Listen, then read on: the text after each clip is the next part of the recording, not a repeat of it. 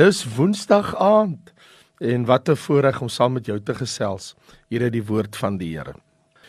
Nou die reis deur die evangelie van Johannes bring ons nou by Johannes hoofstuk 2 waar ek wil graag lees vir jou vanaf vers 12 tot en met vers 22.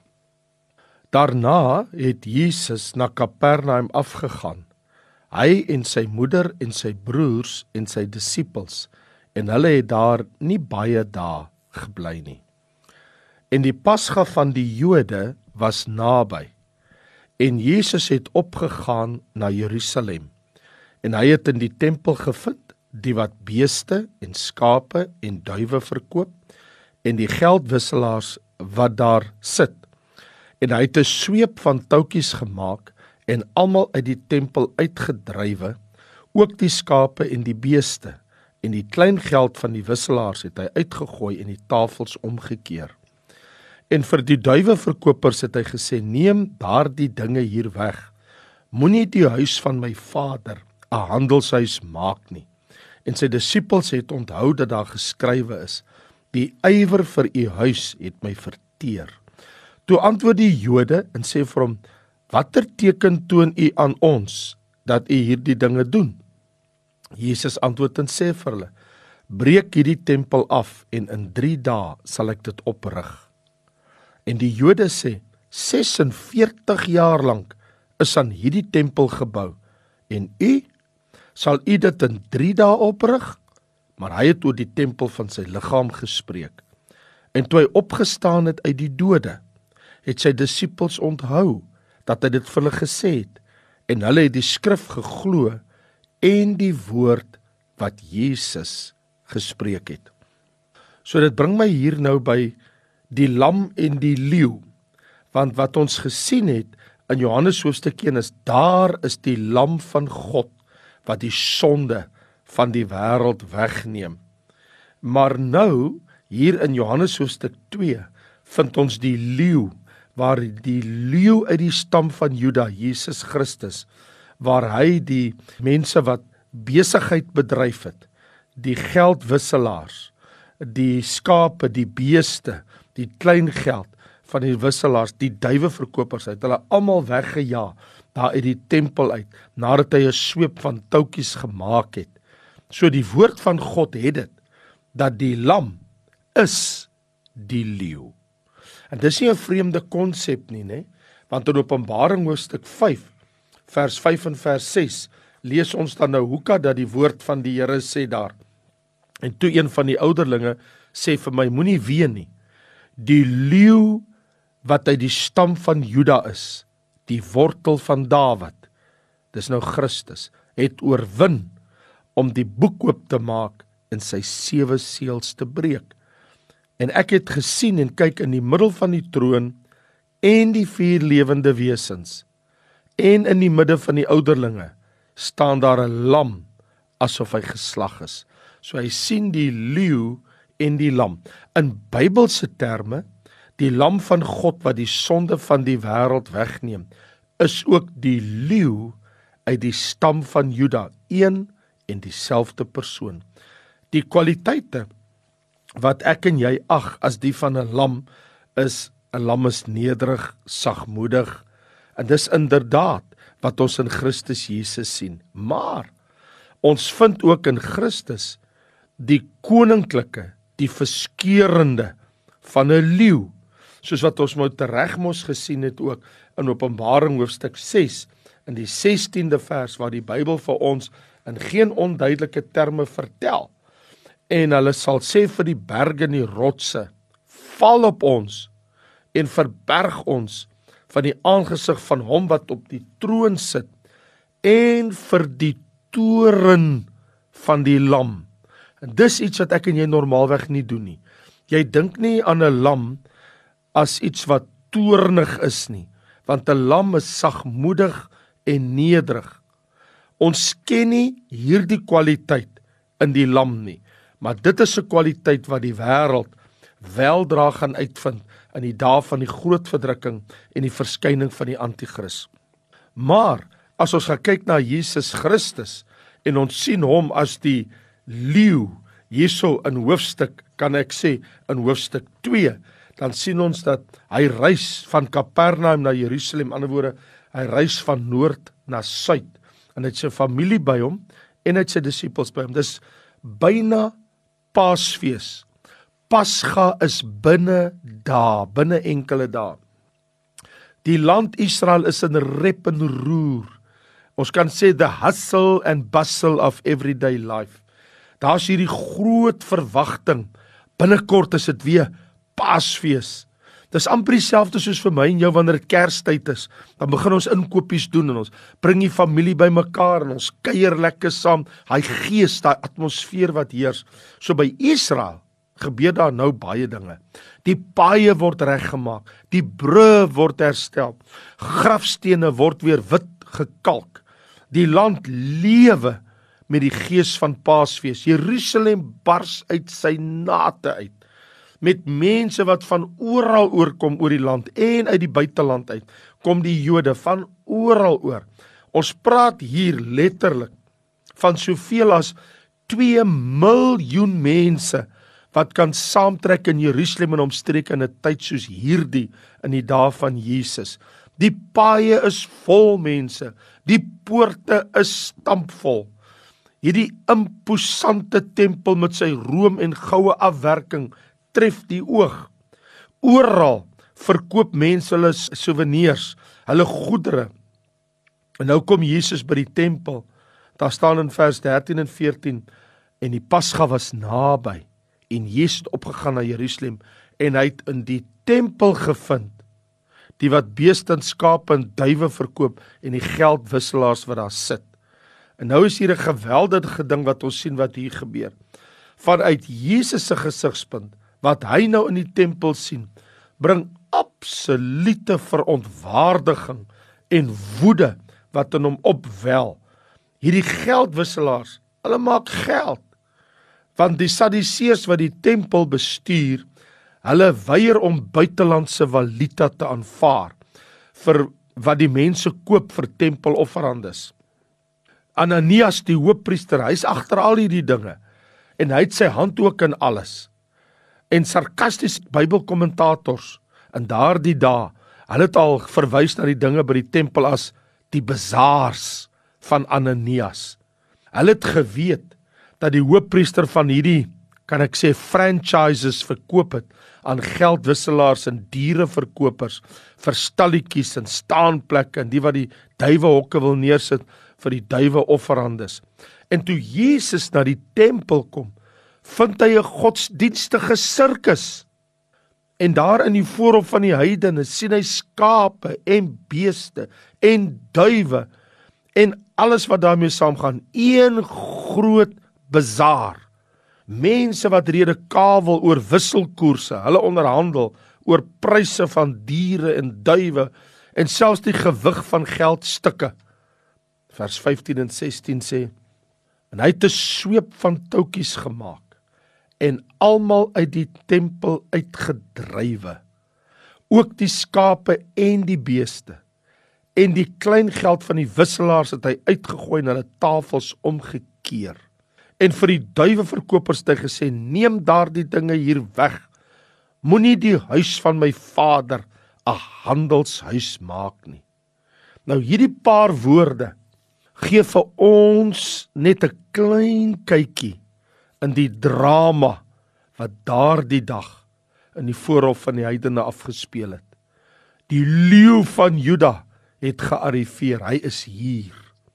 Jesus vleg 'n sweep van toutjies en toe klap die sweep. Hy keer tafels om. Hy dryf die mense daaruit. Skape en beeste en bokke word uitgedryf. Jesus kook binnekant. Hy is vuurwarm van absolute verontwaardiging. Hoe het hierdie mense my Vader se plek, sy Vader se plek, sy huis ontheilig deur dit te verander in 'n handelshuis, 'n geldmaakplek, koop en verkoop. Almal jaag net na winste. Die lam is die leeu. Jesus, meek and mild, wie baie predikers so graag voorhou, is nie die Jesus van die Bybel nie. Nie die Jesus van die Nuwe Testament nie. Natuurlik is Jesus sagmoedig en nederig. Sê dan nie in Matteus 11:29, kom na my toe, want ek is sagmoedig en nederig van hart. Maar dis nie die volle prentjie nie. In die Bybel is daar ook die Jesus van Markus 3 vers 5.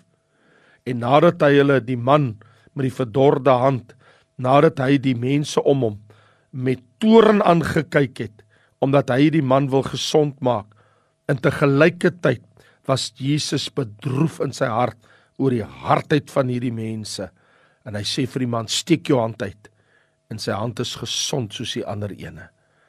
Dis die Jesus waarvan die Bybel praat dat hy met toorn kyk na die mense om hom en te gelyke tyd is Jesus so bedroef omdat hierdie mense se hart so hard is. In Lukas 13 vers 32 toe hulle vir hom sê maar weet jy nie dat Herodes die grootte is agter die bloed aan Toe sê Jesus gaan vertel daardie jakkals. Jesus ken 'n jakkals wanneer hy een sien van Herodes sê hy gaan sê vir daai jakkals. Jy sien die wortel van Jesus se uitbarsting daardie dag by die tempel hier in Johannes hoofstuk 2 tussen vers 13 en vers 22 wat daar gebeur het vers 17 sê en sy disippels het onthou dat daar geskrywe is die ywer vir u huis het my verteer. Jesus se woede en verontwaardiging is geleë in die feit dat hierdie godsdienstige leiers en die volk hulle openbaar kan ek die woord gebruik 'n religious irreverence. Hulle openbaar teenoor sy Vader, sy huis, die tempel geen godsvrees nie. Want die doel van die tempel was tog sekerlik om God te verheerlik as 'n aanbiddingsplek. Maar hulle het dit verander volgens Jesus in 'n handelshuis. Die plek waar sy Vader verheerlik moet word, word vir hulle 'n geldmaakplek. Wanneer mense die kennis van God verloor, dan kom daar 'n gees van oneerbied, waardigheid in hulle lewe. Die wortel wat nou die groei verhinder, dat God in gees en waarheid aanbid word. Mense het hulle ontsag, hulle eerbied en hulle godsvrees verloor. En ek en jy moet versigtig wees dat ons hart kan nie en nie word soos die voorhof van die heidene van die tempel daardie dag wat ek en jy gesien het in Jerusalem wat Jesus daai dag gedoen het. Selfs wanneer ons in die kerk sit, is die bazaars van hierdie lewe besig in ons hart en in ons gedagtes. En ons wonder hoe lank gaan die prediker nog praat dat ons kan uitkom en aangaan met ons lewe, dat ons by die kerk se deur kan uitkom. Of jy sit miskien en kyk op televisie na die program en kyk op jou horlosie en wonder hoe lank gaan hy nog praat as hy net kan klaar kry. Wat ons dink al aan die volgende besigheidstransaksie. Ons dink aan die inkopies wat ons wil gaan doen. Ons dink aan die wêreldsplesier en die plekke wat ons wil gaan besoek. Laat my dink aan Moody in sy bekende preek wat hy gepreek het oor die eindtyd. If Christ came to Chicago. Dis 'n baie bekende preek wat hy gepreek het. As Christus na Chicago toe kom, hoe gaan dit lyk?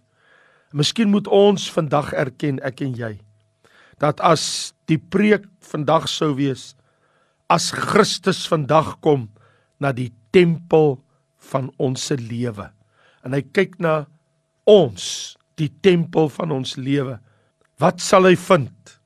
Wat sal hy doen? Natuurlik is dit so dat Christus se uitbarsting by die tempel 'n vervulling is van die profesie wat ons mos gelees het in Psalm 69 vers 10. Jare gelede het die psalmos mos nou hoeka gepraat oor hierdie besondere profesie oor wat hy voorgesien het wat eendag gaan gebeur waar hy geprofeteer het Dawid want die ywer vir u huis het my verteer. Ander woorde letterlik dit eet my op. Want die Hebreëse woord vir verteer is in 'n vlam. Jesus was so verteer. Hy's aan die brand. Daar's 'n vlam in sy hart, in sy ywer vir sy Vader se huis. Want wat ontbreek daar is die godsvrees en die leeu van Juda is in vlamme en hy vleg 'n toutjie, 'n sweep van toutjies en hy dryf mens en dier daar uit. Maar as jy verder lees Psalm 69 vers 10, want hierdie was 'n vervulling wat gebeur het in Johannes 2 van die Psalm. Maar die tweede gedeelte sê die smaathede van die wat u smaat het op my geval. In ander woorde in die volle betekenis van die woord kan ons sien dat hierdie tweede deel die smaathede van die wat u smaat het op my geval. Wat hou die betekenis van hierdie skrifwoord vir ons in? Droë ritualisme is 'n indikasie dat God is ver weg. Droë godsdiens waar daar nie 'n verhouding met Christus is nie, maar 'n diep eerbied en 'n ontzag en 'n vrees vir die Here, 'n reverence for God is 'n indikasie dat hy is die groot, die kragtige en die heerlike in ons lewe. Aanbid ons hom. Wag ons op hom. Rig ons ons harte op hom. Die feit is ek en jy leef vandag in 'n narcistiese wêreld waar dit net oor die mens self gaan en wat die mens wil hê. Maar nie so hoor dit in die liggaam van Christus in sy kerk, in sy gemeente nie, want ons het mekaar nodig. Jesus verwys hier na die tempel as sy liggaam. Hy sê vir hulle breek hierdie tempel af, breek hierdie liggaam af. In 3 dae sal ek dit oprig. Hulle sê 46 jaar het ons aan hierdie tempel gebou. Gaan u dit in 3 dae oprig? Maar hy het oor die tempel van sy liggaam gespreek. Jy sien die heerlike waarheid. In die Nuwe Testament vir ons as gelowiges is 1 Korintiërs hoofstuk 6 vers 19 en 20 sê weet julle nie dat julle liggaam 'n tempel is van die Heilige Gees wat in julle is wat julle van God het en dat julle nie aan julleself behoort nie? Want julle is duur gekoop verheerlik God dan in julle liggaam en julle gees wat aan God behoort. Jep die heerlike waarheid is Jesus gee om vir sy tempels hy gee om vir my en jou En as dit nodig is, dan kom hy ook met sy sweep in sy hand. Daar is die ander evangelies. En hulle vertel dat Jesus later jare weer teruggekeer het en hy het weer die tempel skoon gemaak. In die begin van sy bediening en ons sien later jare in sy bediening het Jesus weer in die tempel gegaan en hy was weer toornig, weer verontwaardig. Hy het soos 'n leeu daarin gestap is alles weer terug. Doen julle dit weer? Ek wil vir jou sê, net so, indien dit nodig is, sal Jesus weer en weer in ons lewe inkom. En hy sal doen wat gedoen moet word om die tempels te heilig sodat ons aan hom eer en heerlikheid kan gee. Wat 'n verbuisterende beeld van die seun van God, die lam is die leeu. Johannes 1, daar is die lam van God wat die sonde van die wêreld wegneem. Johannes 2 sê die leeu het by die tempel ingestap. Wie wat? Die lam wat sy hand uitgestrek het op die kruis en nie 'n woord gespreek het.